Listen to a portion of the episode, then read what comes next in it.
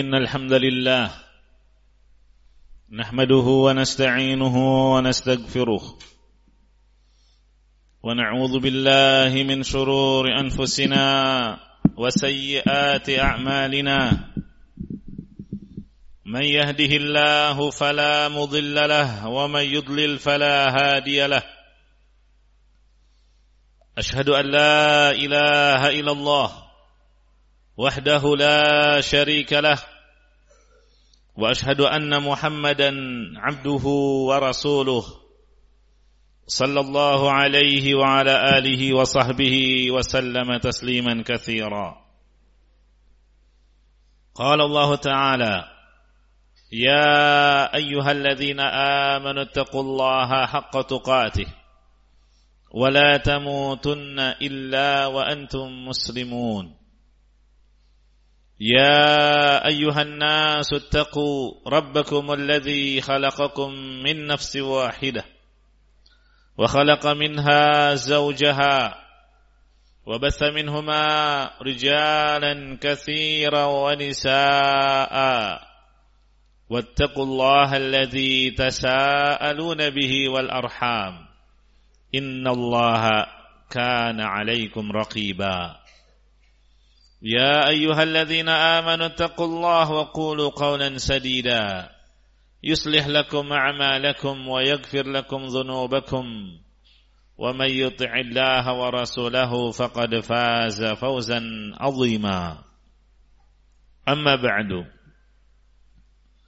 معاشر المسلمين sidang Jumu'ah rahimani wa rahimakumullah dua hari lagi insyaallah kita akan memasuki hari raya Idul Adha. Banyak di antara kaum muslimin yang diberikan kelapangan harta oleh Allah memiliki kemampuan mereka berlomba-lomba untuk berkurban.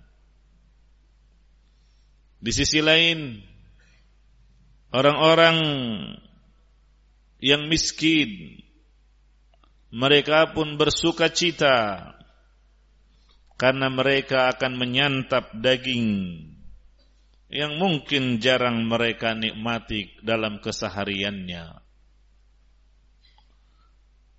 Tumbuhnya kesadaran dalam diri kaum muslimin untuk berkurban tentunya merupakan hal yang membahagiakan kita. Namun akan lebih menggembirakan lagi apabila jiwa pengorbanan dimaknai dengan benar dan ditumbuh kembangkan pada setiap lini kehidupan umat Islam. Karena pengorbanan di masa sekarang dipraktikkan dengan amat memilukan.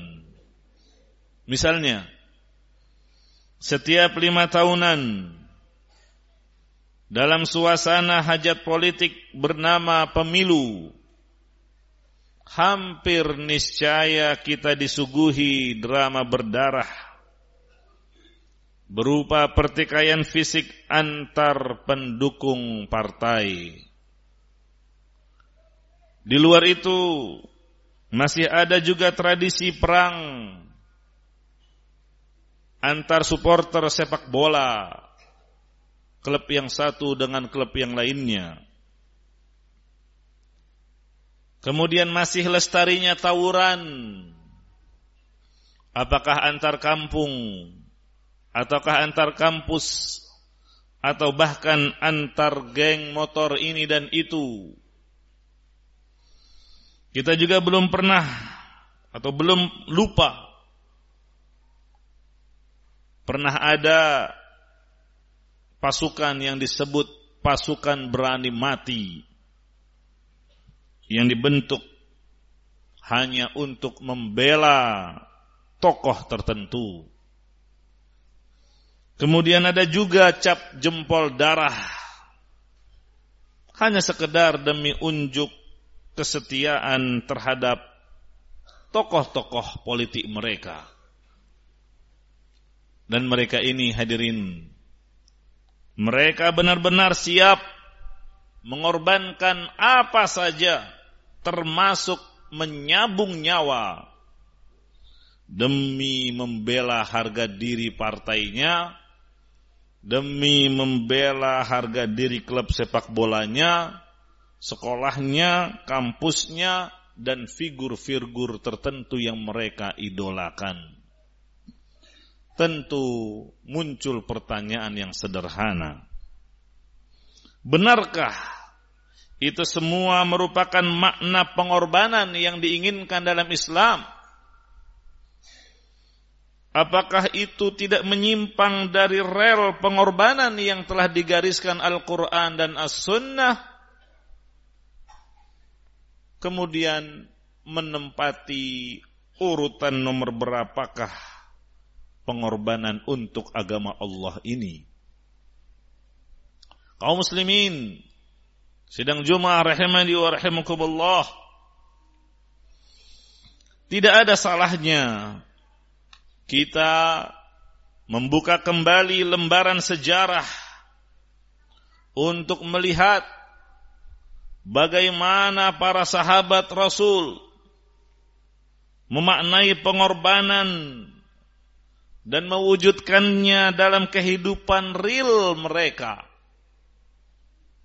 Di antaranya disebutkan pada suatu siang hari di awal bulan Syawal tahun 3 Hijriyah di sekitar Gunung Uhud.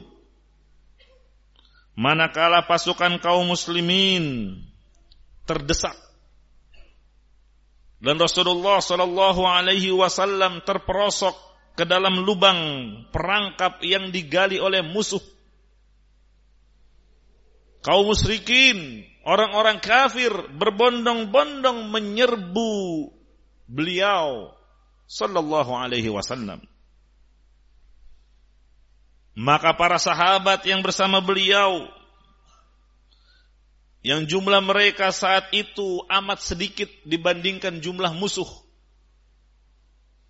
Para sahabat sadar betul bahaya besar yang sedang mengancam nyawa kekasih mereka yakni Rasulullah sallallahu alaihi wasallam.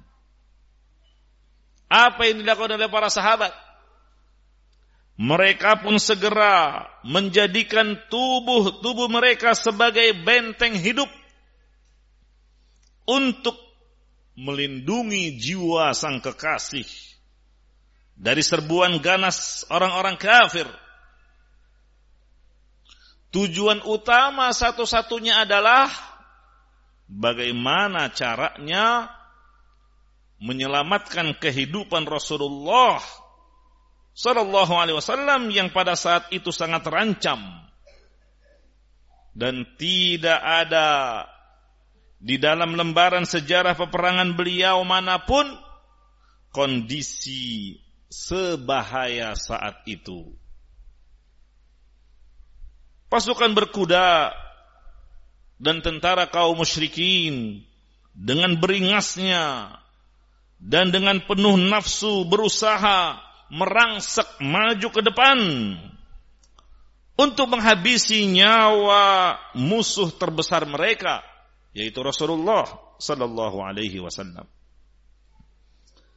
Di saat itulah panglima besar kaum muslimin Muhammad ibn Abdullah alaihi salatu wassalam menunjukkan kekuatan dan kehebatannya dengan penuh keberanian bagaikan singa.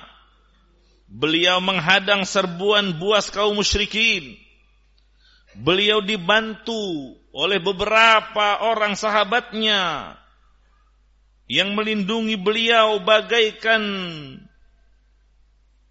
tegarnya karang yang amat keras dan kokoh di tengah benturan badai ombak lautan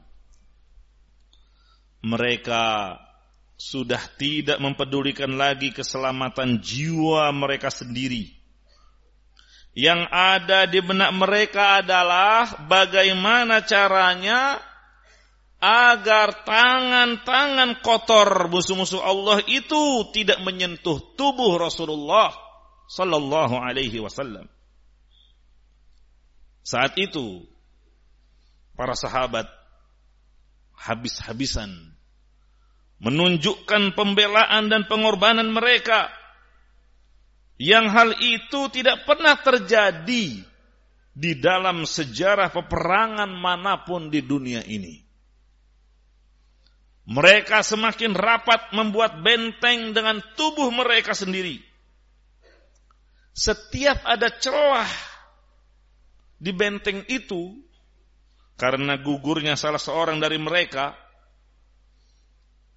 karena dihujani sabetan pedang atau tikaman tombak, saat itu juga celah tersebut segera ditutup oleh sahabat yang lainnya.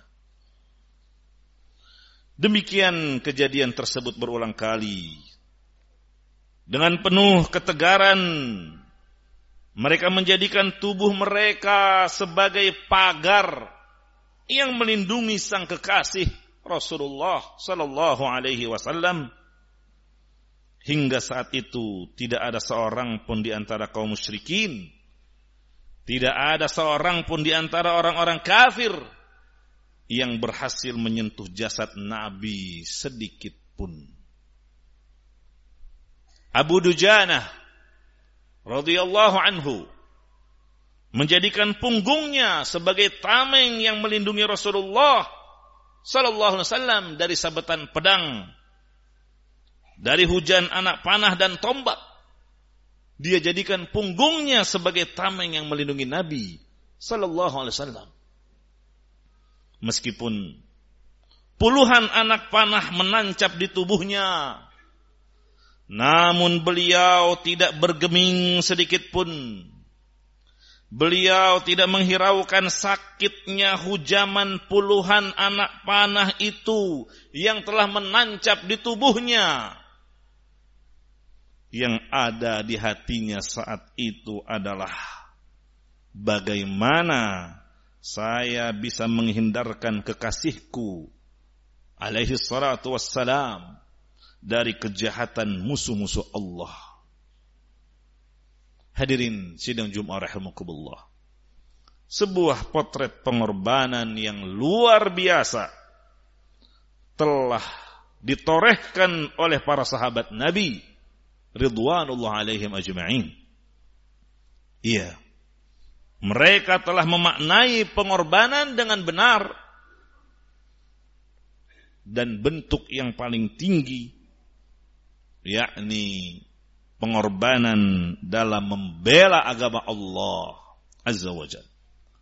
Kaum muslimin sidang Jumat rahimani wa rahimakumullah. Mungkin di antara kita ada yang berkata, Para sahabat Nabi mengorbankan diri mereka untuk melindungi nyawa Rasulullah Shallallahu Alaihi Wasallam. Lalu bagaimana dengan kita yang hidup sekian belas abad sesudah wafatnya beliau alaihi salatu wassalam? Dengan apakah kita mengapresiasikan pengorbanan untuk agama ini? Jawabannya adalah firman Allah Ta'ala di surah Al-Baqarah ayat 207 Wa minan nasi man yashri nafsahu ibtigha'a mardatillah wallahu raufun bil ibad Di antara manusia ada orang-orang yang mengorbankan dirinya karena mencari keridhaan Allah dan Allah Maha Penyantun kepada hamba-hambanya.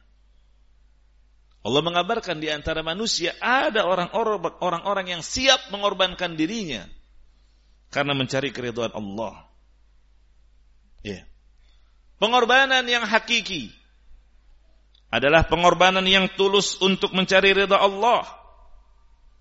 Dan tentunya ini amat beragam bentuknya. Salah satu bentuk terbesarnya adalah berkorban untuk membela akidah yang benar, untuk membela sunnah yang telah diwariskan oleh Rasulullah sallallahu alaihi wasallam. Di antara contohnya adalah Al-Imam Ahmad bin Hanbal rahimahullahu taala. Beliau adalah ulama besar di abad ketiga Hijriyah. Beliau telah memberikan contoh kepada kita ketegaran pengorbanan dalam membela akidah Islam. Dikisahkan bahwa semasa hidupnya selama kurang lebih 34 tahun beliau mengalami suatu masa tersebarnya doktrin Al-Quran adalah makhluk. Ini adalah ideologi kufur yang diusung oleh sekte Mu'tazilah dan diamini secara berturut-turut oleh tiga penguasa saat itu. Al-Ma'mun, Al-Mu'tasim, dan Al-Wasik. Selama tiga puluhan tahun, beliau tetap tegar mempertahankan akidah yang benar. Yang mengatakan bahwa Al-Quran adalah kalamullah, bukan makhluk. Dan selama itu pula, Beliau diintimidasi, diancam, bahkan dipenjara. Akibat apa? Membela akidah yang benar. Puncaknya, setelah gagal memaksa beliau untuk menganut doktrin sesat tersebut, dan berkali-kali mereka dipermalukan akibat kalah adu hujah. Akhirnya mereka pun menempuh jalan kekerasan fisik. Iya. Seperti itulah musuh-musuh Islam. Ketika kalah adu hujah, adu argumentasi, kekuatan fisiklah yang akan mereka gunakan. Imam Ahmad pun diseret di bawah teriknya sinar matahari. Lalu dihadirkan para algojo ahli cambuk. Tatkala penguasa melihat cambuk-cambuk yang akan digunakan sudah lama, maka mereka memerintahkan agar didatangkan cambuk-cambuk yang baru yang masih lebih kuat. Dimulailah deraan cambuk pertama lisan Imam Ahmad bin Hambal hanya menimpalinya dengan zikrullah. Cambukan kedua, ketiga, keempat tetap beliau balas dengan lantunan asma-asma Allah ketika sampai pada cambukan yang ke-19. Al-Mu'tasim bangkit dari tempat duduknya berjalan mendekati Imam Ahmad. Sang penguasa di saat itu Al-Mu'tasim dan berkata, "Wahai Ahmad, apakah rasa sakit telah mematikan jiwamu? Harus dengan apa kamu ingin mengakhiri hidupmu?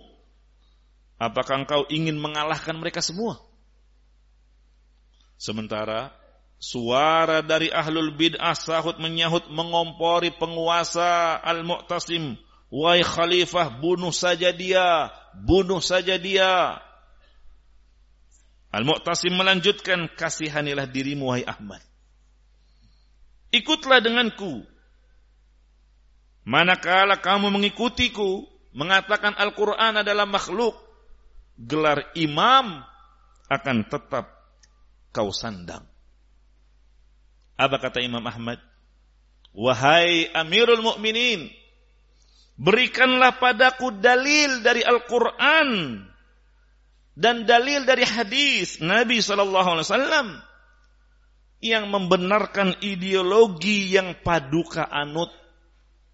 Saat itulah aku akan mengatakan apa yang paduka katakan. Kemudian Al-Mu'tasim pun kembali lagi ke singgasananya dan memerintahkan untuk memperkeras lagi cambukan. Sementara darah terus mengucur deras dari tubuhnya sang imam hingga akhirnya Imam Ahmad tidak sadarkan diri. Di saat pingsan, badannya Imam Ahmad dibaringkan di atas tikar milik seseorang. Dan tatkala sadar, disodorkan kepada beliau bubur dan air minum. Namun beliau menolaknya dan berkata, tidak. Aku sedang berpuasa. Dan aku tidak mau membatalkan puasaku. Subhanallah. Lalu beliau pun menunaikan salat zuhur berjamaah dengan murid-muridnya. Inilah hadirin sidang Jumat rahimakumullah. Figur pengorbanan yang hakiki. Pengorbanan yang tulus untuk mencari ridha Allah. Pengorbanan dari salah seorang imam ahlus sunnah. Yaitu Imam Ahmad bin Hanbal rahimahullahu ta'ala. Barakallahu li walakum fil Qur'anil azim. Wa nafa'ani wa iyyakum bima fihi minal ayati wa dhikril hakim. Aqulu ma tasma'un. Wa astaghfirullah واستغفروه إنه هو الغفور الرحيم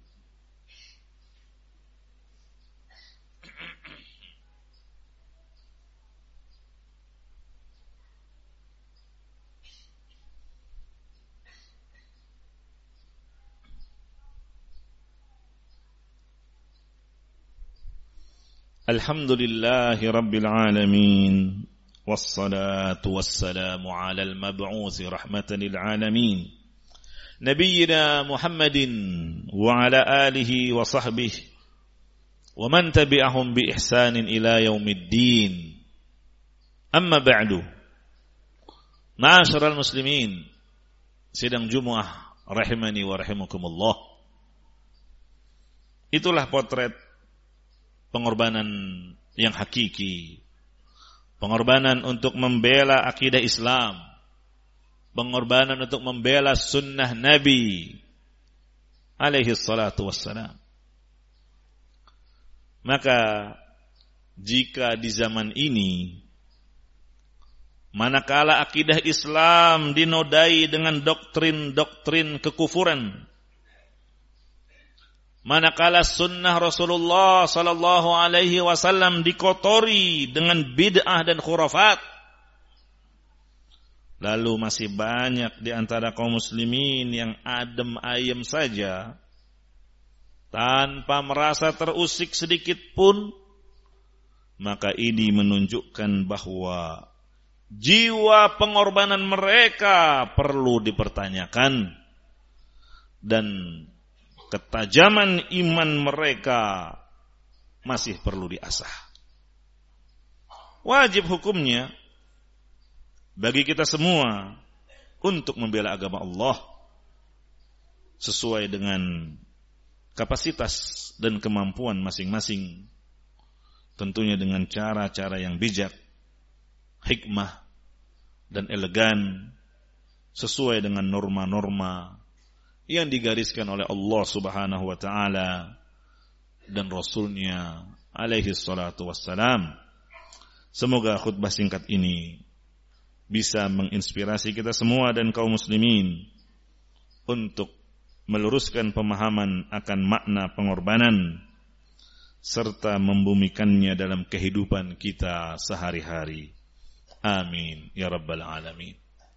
اللهم صل وسلم على عبدك ورسولك محمد وعلى آله وأصحابه أجمعين. وارض اللهم عن الخلفاء الراشدين أبي بكر وعمر وعثمان وعلي وعن جميع الصحابة والتابعين. لهم بإحسان إلى يوم الدين. اللهم أعز الإسلام والمسلمين وأذل الشرك والمشركين ودمر أعداء الدين وانصر عبادك الموحدين. اللهم أصل أحوال المسلمين في كل مكان. اللهم اجعل هذا البلد آمنا مطمئنا وسائر بلاد المسلمين. اللهم احفظ ولاة أمور المسلمين ووفقهم لما تحب وترضاه من الأقوال والأفعال يا حي يا قيوم. ربنا ظلمنا أنفسنا وإن لم تغفر لنا وترحمنا لنكونن من الخاسرين. ربنا اغفر لنا ولإخواننا الذين سبقونا بالإيمان. ولا تجعل في قلوبنا غلا للذين آمنوا. ربنا إنك رؤوف رحيم. ربنا لا تزغ قلوبنا بعد إذ هديتنا. وهب لنا من لدنك رحمة إنك أنت الوهاب. Rabbana atina fid dunya hasanah wa fil akhirati hasanah wa qina adzaban nar. Wa sallallahu ala وعلى آله وصحبه ومن تبعهم بإحسان إلى يوم الدين. وآخر دعوانا أن الحمد لله رب العالمين. أقيم الصلاة.